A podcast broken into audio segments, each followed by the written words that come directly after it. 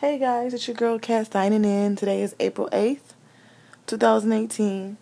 Um, I did not record yesterday, April 7th. I had a um, family funeral.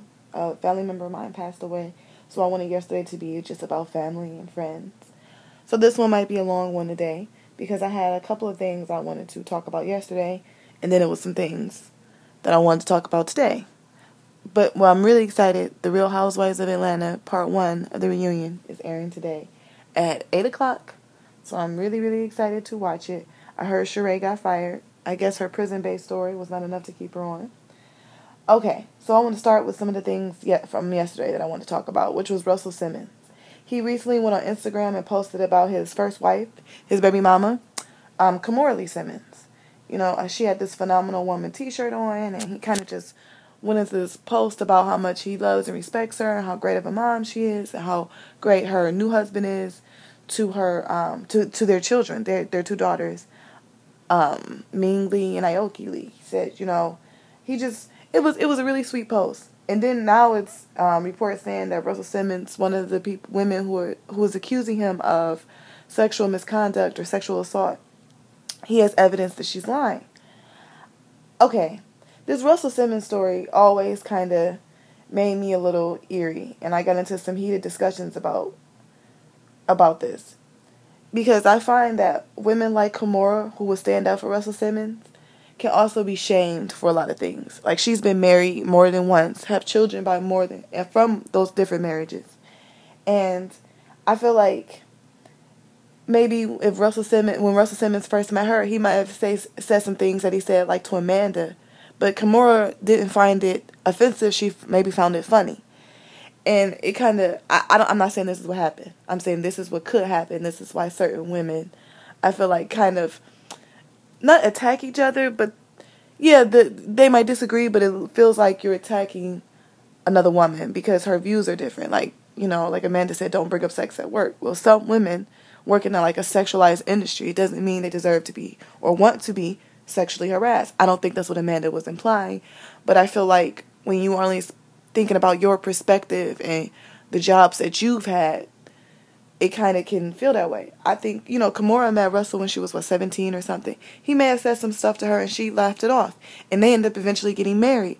I don't think Russell, in every situation, I don't know, I wasn't there. I'm just speculating, obviously. I get on here to talk shit, I speculate if you don't like it, you know, feel free not to listen. But if you do like it, feel free to continue to listen and share it to your friends who might find this shit interesting. My perspective interesting. All I all I have is my point of view. So um, I, I, I feel like that because Kimora married a guy that would say stuff like that to women, a lot of other women would be like, would say things like uh, along the lines of, why would you, why do you think that's funny? Why this and why that? You know, because that's the that's how Kimora is. Like she has no problem saying this marriage is not working. I want to find someone that it will work with. And if that doesn't work, she loves again.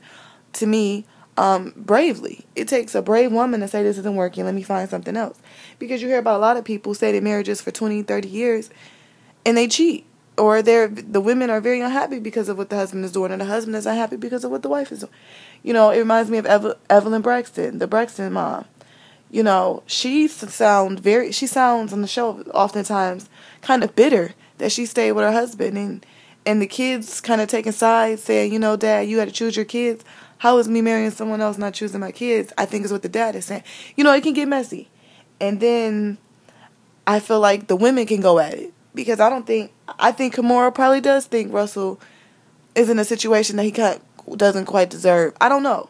She really hasn't said too much, but she has came out in support of him. And I kind and I get it. I don't think she would have kids by somebody she deems scary or a se- you know, abuser, a sexual sadist or something anything like that. Cuz I said I felt like Russell Simmons do I feel like he probably did some things that are inappropriate? Yes. Do I feel like it's all going to be talked about? Yes. Should it be? Of course. However, I said since day one, I don't think he meant it he meant a lot of the situations where you hear the women talking where they said he said some things that were inappropriate. I don't think he even realized the severity or, how the situation was set up because remember hip hop is a very misogynistic a very misogynistic environment. I'm not condoning it, but I'm a fan of hip hop music. But if you listen to a lot of the old school Eazy-E, he talked about how he grabbed the hoe by her nappy ass wing. He slapped a bitch. and nobody seemed to really have a problem with it except black women. They were speaking out against it, and it was older black women because I feel like younger black women realize all women aren't the same. All black women aren't the same. Even though no one deserves to be treated like that. No one deserves to be grabbed by their hair. No one deserves any of that. And I feel like these women were advocating for everybody. But you never heard the white street media covering it or talking about it until now. Like I heard Rosenberg talk about it on Hot 97 when Plies was up there because the song Becky, and he was talking about how that's mean to white women and somehow degrading to black women, saying that black women don't give Becky. No, I don't think that's degrading at all. I think that back in the day, you know, the saying was white girls was easy. They was putting out. Like if you watched the Malcolm X film, that was like a really big scene. The the, the black girl said, "Go ahead to the back to the white girl. I'm not putting out. I'm not white. I'm not giving you none of the stuff she's trying to give you. And I, you know, obviously I can't give you white privilege. I had to tell a man that in real life before too. Go to the white girl if that's what you want. Uh, that's not what you're gonna get here, you know. And I feel like that's kind of creates even a divide as well. But I think it's always going to be a divide between white women, white women and black women until white women admit that they're privileged before they want to call me a feminist. I can only be three fifths a feminist, like I was three fifths a woman. But anyway, I just think Russell Simmons um, asked a larger discussion, you know, and the fact that his ex-wife is he's they're still showing support for each other is interesting, and I feel like a lot of people may come for Kimora because because of it. But I think she hasn't forgot that Russell really looked out for her when she was younger yeah, they dated and married and dated. They got they dated first, then they got married, and then it didn't work out, and she married somebody else, and that didn't work out, and she married somebody else. I don't think there's anything wrong with that, but a lot of people do. A lot of people feel like you know, um, you know, she that's why she didn't stay with him or whatever else. But I, I like women. I respect women who say this isn't working for me and they move on because it stops them from being bitter and angry. I think that's not a bad thing, and I think that women who say you should stay in relationships just to say that you're in something, I don't think I don't agree with that either. Okay. So, um and then I've also recently talked about Tariq Nasheed saying some things about Michael Rapaport and Kenya Moore. And then he also said some things about Gary Owen. And I, I want to talk about this because I've said some stuff about Gary before. I kind of said, you know, he was a bitch for letting his wife kind of fight his fight his battles for him you know, oh yeah, I can't say the N word, so I'll get my wife on camera to say it for to say it for me. And Tariq Nasheed actually said some interesting things about that clip. He said, didn't it look like 12 years a slave? You know, like he damn near owns this woman and he's just getting her to say, you know, like he called her a bed wench. And I, I, I see his point. And a lot of black women get mad when I use that term. But bed wench is not it was not created as a term of, oh, I think I'm cuter than everybody else and I'm to use my womanly charm to get something. It was, oh, this is what he wants? Okay. I get to eat every day. My children may get some um, a chance at some better opportunities. It was not a term of, oh, this is fun. I'm sexy. I'm this. I'm that. No. These girls were not like Amber Rose and things who were owning their sexuality. No, no, no. They saw a situation they were being exploited in and said, well, I'm going to try to get something out of it because I'm three fifths a woman. And white women were okay with us being three fifths a woman. So, you know, I, I just. I feel like that he made a strong point that Gary Owen, Gary Owen almost looked like he paid for slavery. Yeah, it, it, he paid for a service or something. It, it, to me it was he said it was hard to watch. It was hard to watch. It definitely was. So um, recently an atlanta teacher moving on to some other interesting news atlanta teacher tells her, stu- her student i'm sorry i don't know if it's a he or a man or a female.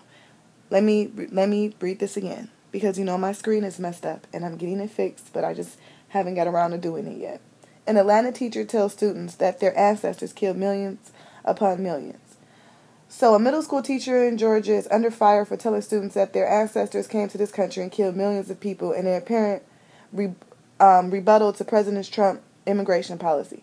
Okay, how is that not true? How do Europeans not come? How, you know, how is that a falsism? Europeans came here, Native Americans were living here peacefully, and they killed millions of them. How is that not true? Then forced them to walk the Trail of Tears and killed even more. I mean, how is that not true? Okay, so um, in February, sixth grader Josie, I don't want to give too much about the student's name, a former student at Hampton Middle School, recorded her teacher's, I don't even want to say the teacher's name, I'm going to say the teacher's rant, during a lesson on Black History Month. So the kid told Fox News that the teacher criticized the Make America Great slogan, and the student recorded this rant. Um, and the teacher said, and I quote, he must be talking about when it was great for Europeans, because when it comes to minorities, America has never been for minorities. The teacher um, was saying this on the recording, right? I don't understand how this is not true. What about that is a falsism? I don't. It. Do people not want to hear the truth? And we all know what really goes on in Georgia. Okay, Georgia on my mind was not just written because Ray Charles loved his home state. He loved his state that like shunned him for speaking up against the injustice that was there. Okay, so I'm just I save a lot of my stuff on Facebook because I find that the hot topics on Facebook are the ones I really want to talk about. It gets my Facebook friends either really bothered or really interested. You know, I get a lot of DMs about the shit that I post, or I get a lot of people saying, you know, I like the shit you post. It's pretty divided. So, you know, I'm going to keep with my Facebook posts, my Facebook articles that I share. So, um, I'm looking right now at a picture about the Flint water crisis. As we know, they're stop they're they're going to stop giving free bottled water to people in Flint, although they have not fixed the water crisis in Flint. So, I'm looking at some pictures right now, or babies, literally babies, are in the pictures super, super broken out. And I have to say super because it's hard to describe this picture. It looks like they have rashes all down their faces, all down their arms and legs. It's it's so, it's really hard to look at, so I can't keep looking at the picture. But you see these children with rashes from obviously the water poisoning the, them on the inside and externally. Remember, our skin is our biggest organ, so it's like it's like we're looking at their organs going into failure because skin is an organ, right? And we know that Flint is not, and the city of Flint is no longer responsible for giving out water. Okay, right? So I feel like if this crisis had hit a place that had more money, which it wouldn't have, like I feel like Flint was targeted because people there, not just the black people, but the people who live in Flint in general, are lower income. And speaking of Trump, because I spoke of Trump earlier, so a fire breaks out in Trump's tower in Midtown.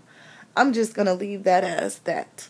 I don't want to say anything like karma or anything like that because I think the universe looks for balance.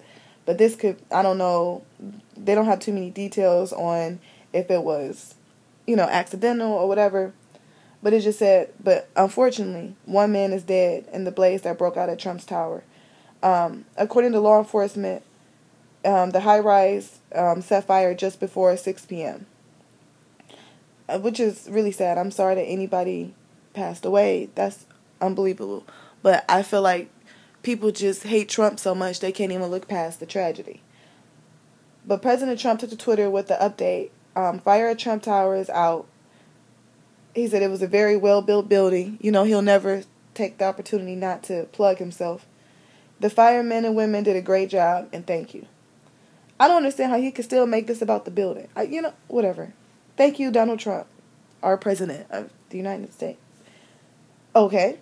Um, another really good story that I really enjoyed was this is a ballerina. She went to her hometown, and she one of the reasons she went back is she wanted to um, kind of stump some old stereotypes, negative imagery, and she wanted to go back in her ballerina costume, and she posed with a lot of the young girls in the neighborhood to inspire them to want to be ballerinas or just want to be something more, be something more than just the the negative imagery that we see because black women we have a lot of negative imagery around us so i feel like she kind of went she went to the lower income areas because they they're in a lot of ways are very pigeonholed you know because people a lot of i had to tell a lot of white people that i worked with especially in the schools when they would come to different schools substitutes and things they would say you know i'm doing really better at this school at the other school i wasn't doing so well then i ask about the school I'm like, you know, that school was right next to like the projects, like extremely low income. And you're moving to this area, which still probably looks the same to you because you're white. I didn't quite say it like that, but you know, I had to explain the people around here are very working class. They own a lot of their, most people here own their homes. Their family owns their home. And she said, yeah, you know what? I have noticed that the kids here tend to have more money. The parents are a little bit more involved, or if not involved, if they're not here every day, they send emails and things because they work a lot. I didn't even think about that. And I'm thinking to myself, white privilege dictates you wouldn't have to because in your eyes we're all the same. And we're not. Like I feel like a lot of times when people are talking to lower income people about wanting more, they can they tend to make that a blanket statement like all of us are in the same have the same circumstances and we don't. We all deal with racism. But a lot of us don't have the same circumstances. And I and I hate when people act like all lower income people somehow are just content with being um, in poverty. And that's not always not the case either. I don't think it's ever the case. I don't think poverty is something anybody likes. Okay, and then so moving on, there was another um, interview on um, uh, Fox, and we just love how they talk about us on Fox.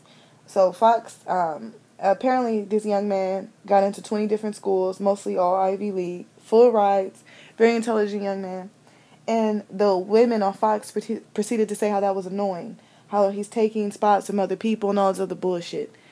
Get you. He's. They were like, you know, um, most research will show you only need to apply to four to five colleges. Almost calling the kid greedy. You know, I feel like this is just some bullshit. You know, you damned if you do, damned if you don't. We don't go to college enough. We're not smart enough. Then we when we when we go to college and get into all these great colleges, we're doing too much. You know, I would say be careful about the news media. They'll have you think hating the oppressed and loving the oppressor, or having you think that um, you know, if you don't watch the news, you're misinformed. You're you're not informed. If you watch the news, you're misinformed. So I feel like you got to find that balance in between. Okay, so recently I talked about this story a couple days ago about an African American woman who was put out of the hospital and she died of a blood clot, and it was killing me that I could not find her name. But I found her name. I, I found the article again. And I want to, um, I'm going to let, let some of it play. Um, and Ben Benjamin Crump is the um, attorney.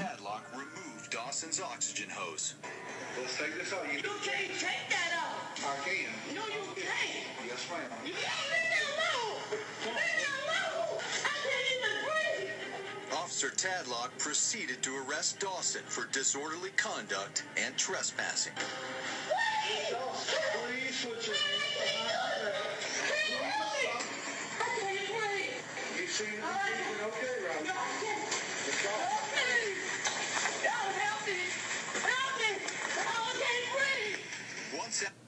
So I just wanted to play a little bit of the clip. This woman was clearly begging for her life, saying she can't breathe. I don't know if all of that picked up but I wanted to try to play it anyway.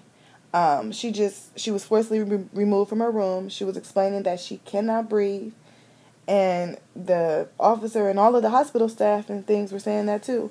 Oh, you seem like you're breathing fine. Um, you know, it seems like you need to stop faking. You need to stop doing this. And this poor lady died. Died. She went to the hospital for help. Was racially profiled and die. I mean, that's the the that's what I hear. People want to say it's something else, but I can't imagine it being anything else. And then I'm reading some of the um, some of the comments, and people are saying some people are saying some shit about Ben Ben Crump, saying he hasn't won a single case yet. Well, I don't think it's because he's not a good t- attorney. I think it's because the system was designed to protect these people and then people are, oh my God, I don't even want to read these comments because I think people are just ridiculous. Whatever. So I'm going to move on. And, and some fun news Cardi B confirmed she was pregnant. Um, and on SNL skit, she confirmed it because we saw that last other performance she did with the huge, huge dress. Everybody knew it then. So, um, and and some local news. It, it was something sad that happened in Ohio recently. An Ohio mom was shot in the head and dies after delivering a baby. You know, people are talking a lot about gun violence and things, and it is, it's overwhelming. But when you see like individual stories like this, it is just so sad. So this was in Springfield, Ohio, and she was shot at 30 weeks pregnant, and she gave birth, and apparently, um, apparently she uh, passed away from her injuries, which is this is that Whew. After the shooting, the woman was flown to Miami Valley Hospital in Dayton, where the baby was delivered by C-section. And the police, the police say the 25-year-old man arrested in the shooting identified himself as the woman's boyfriend and said the gun had discharged during an altercation with her. Now, I've been to the gun range several times. You know, I um finish the gun classes. I'll be applying for my. Um, I'll do the background check soon so I can get my gun license. Rule number one guns do not go off by themselves. They do not go off unless someone pulls the trigger. So we know that's some bullshit. Okay, what the fuck you mean the gun went off during an altercation? How um how convenient. You know, how how, how convenient. the gun went off during an altercation. I, you can't think of some okay, we just know anybody with a brain understands gun have to, guns have to be discharged. Someone has to use their trigger finger and touch the trigger. Guns do not just go off by themselves. That's just first and foremost. Okay, so now that we got that out the way. um, but the baby was delivered, which it, uh, something good came from the story. The baby was delivered via C-section. So, you know, that just shows you that a mother's will. I, I believe a mother's love is is really strong, and I you this was a clear demonstration of it. It's it's hard to talk about stories like this, but I feel like a lot of local stories like this don't get talked about enough. You know, I'm from the Midwest. I'm from Ohio, and I I hate to when I don't see these stories really talked about because not only is it gun violence, it's just violence. Period. It's violence against women. It's a, it's a lot of things that people just overlook. For instance, I'm from Cleveland, Ohio and we had some some major stories break here. Anthony Sowell, the only black serial killer from like a major city, he killed eleven women, strangled them, killed them, and buried their bodies like in a shallow grave in his in and it's just on a regular street. The whole street smelled like death every time you went down this street. Everybody smelled it, and they blamed it on the sausage factory, which we now know it wasn't the sausage factory. And this went on for years.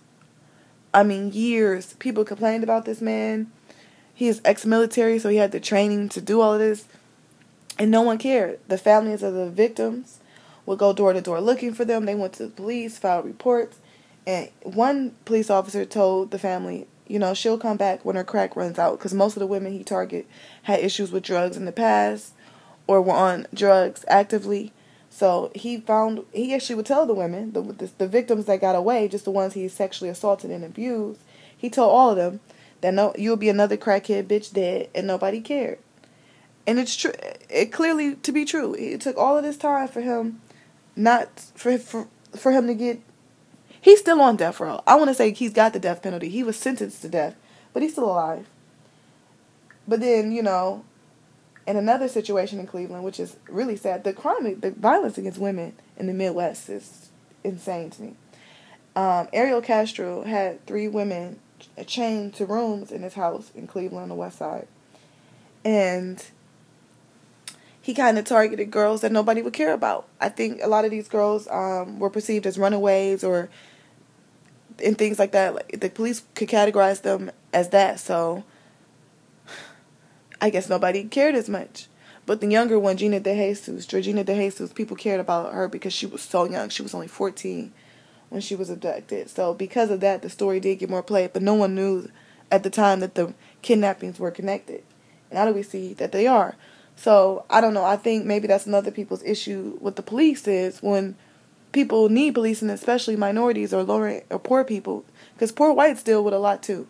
When they need policing and things in their neighborhoods, they don't get it. But especially poor black people, I think minorities get it the worst, because in some ways the police tend to believe that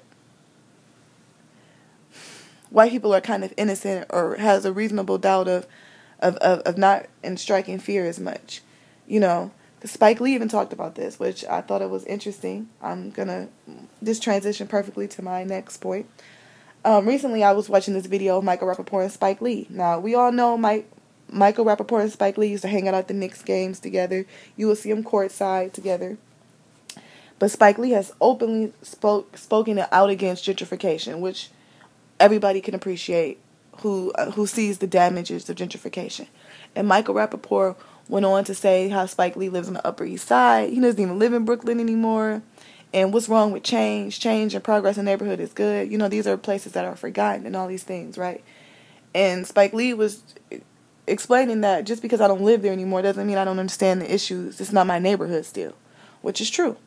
She said, "When's the last time Jay Z lived in Marcy Projects?" But that doesn't mean he doesn't understand the pain and sh- fucked up shit that goes on in the projects, and in that in those particular projects, and then he explained that um, you know, it's okay for change. I think everybody's okay with change, but who are these people displacing? People can't afford to live in the neighborhoods they grew up in.